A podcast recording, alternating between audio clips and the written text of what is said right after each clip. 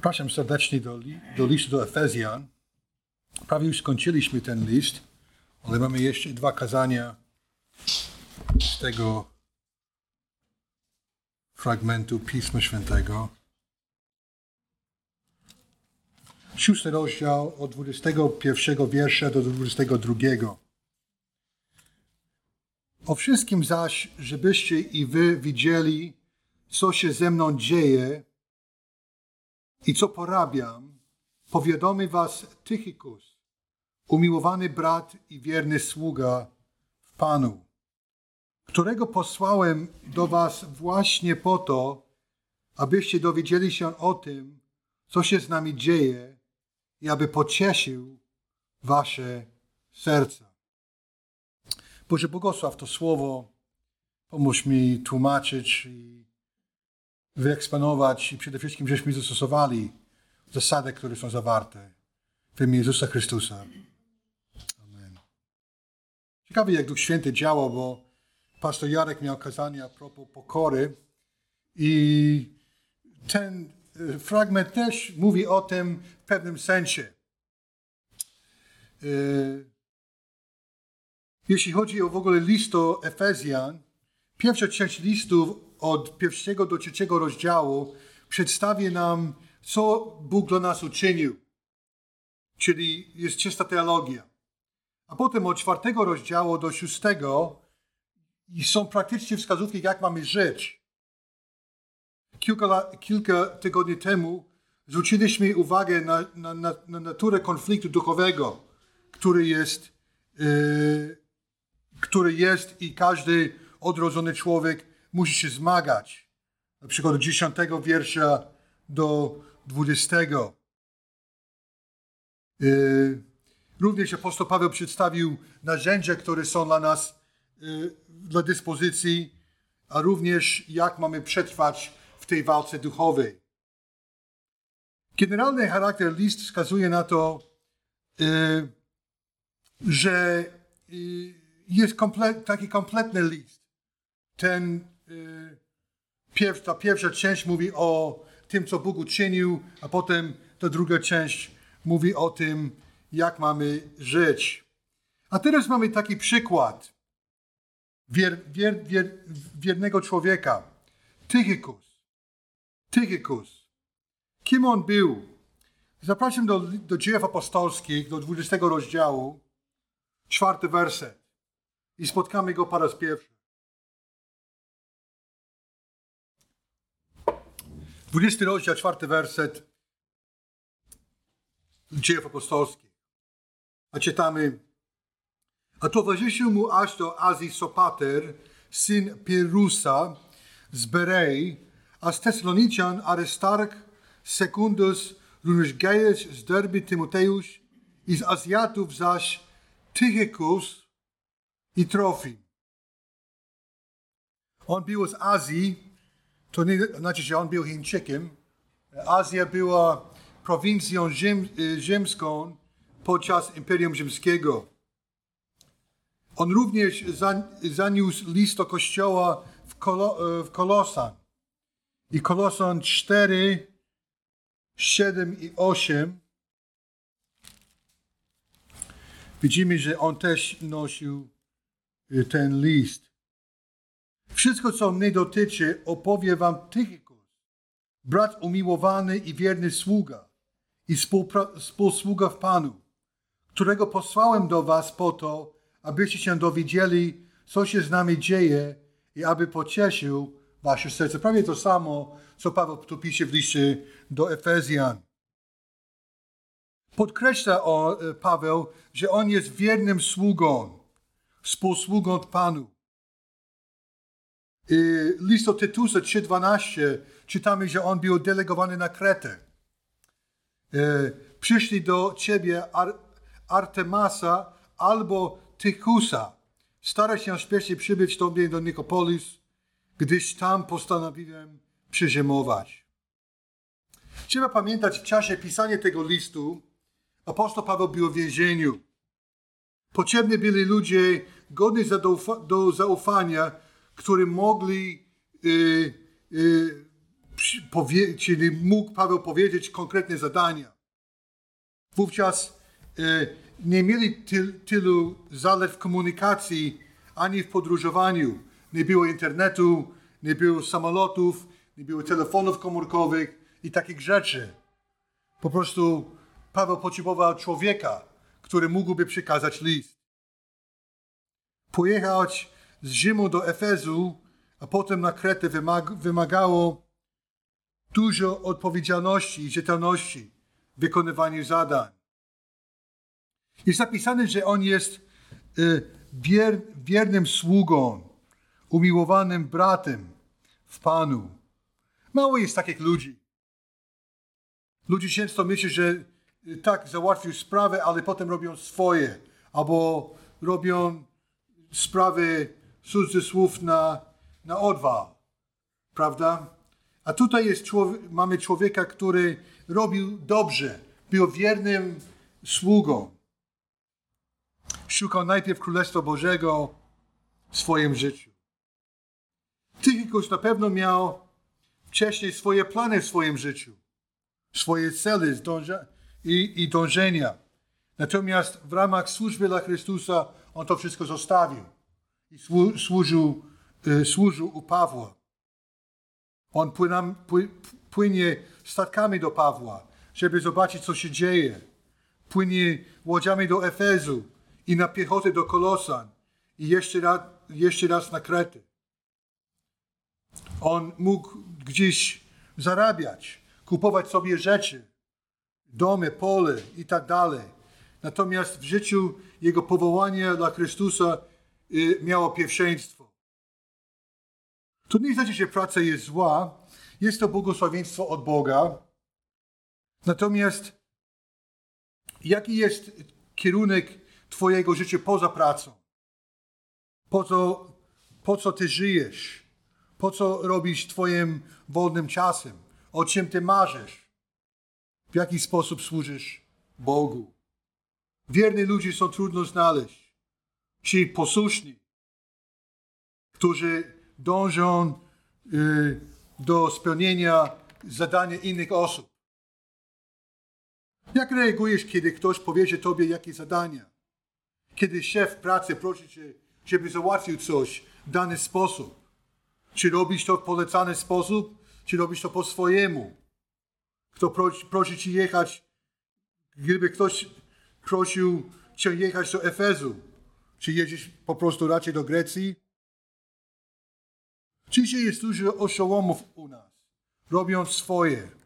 Słowo tutaj wierne jest pistos, to znaczy godne zaufania, solidne. Pistos. W innym miejscu apostoł Paweł napisał coś takiego. Drugi list Tymoteusza 2, 2.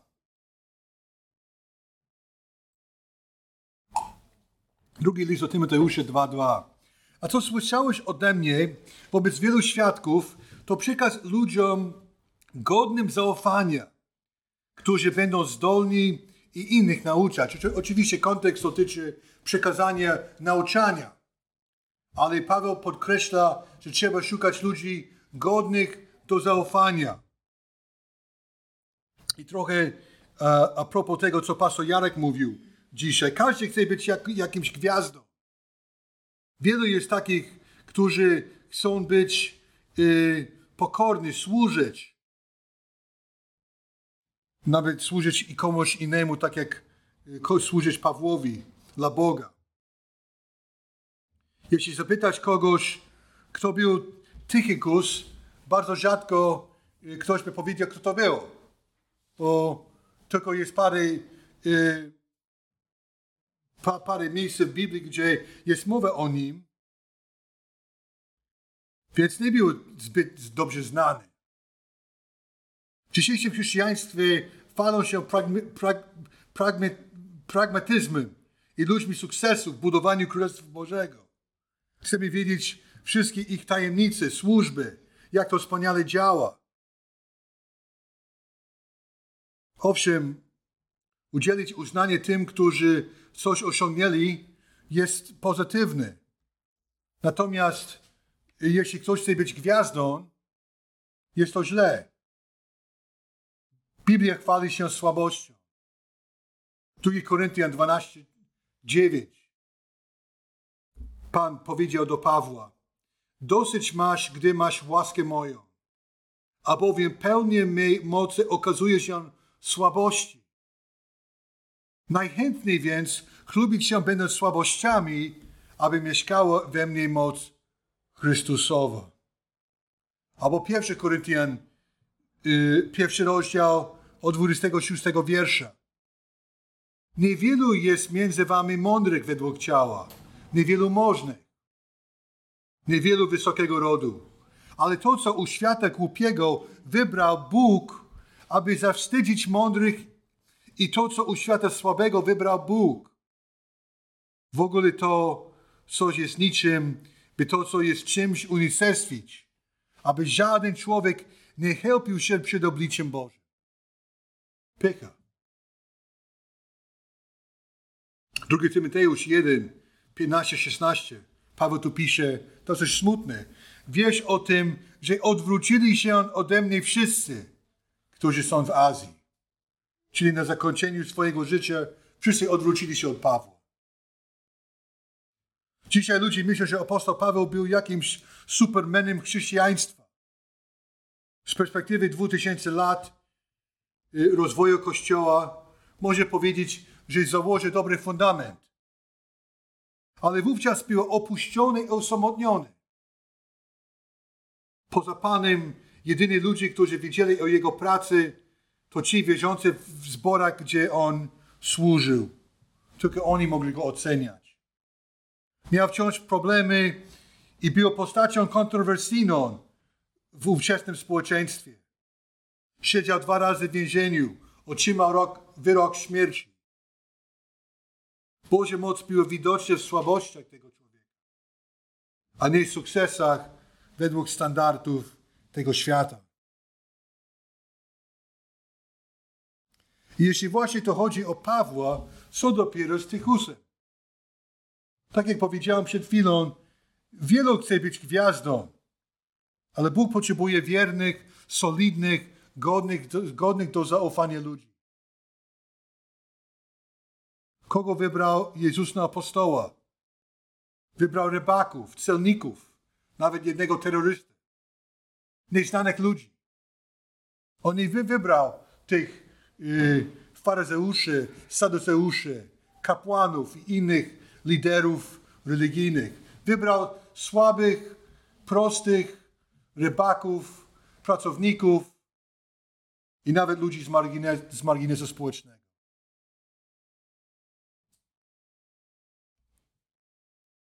Przy okazji, według historii, nasz wierny, nieznany współpracownik Pawła, Tychikus, według historii stał się biskupem Halkedona.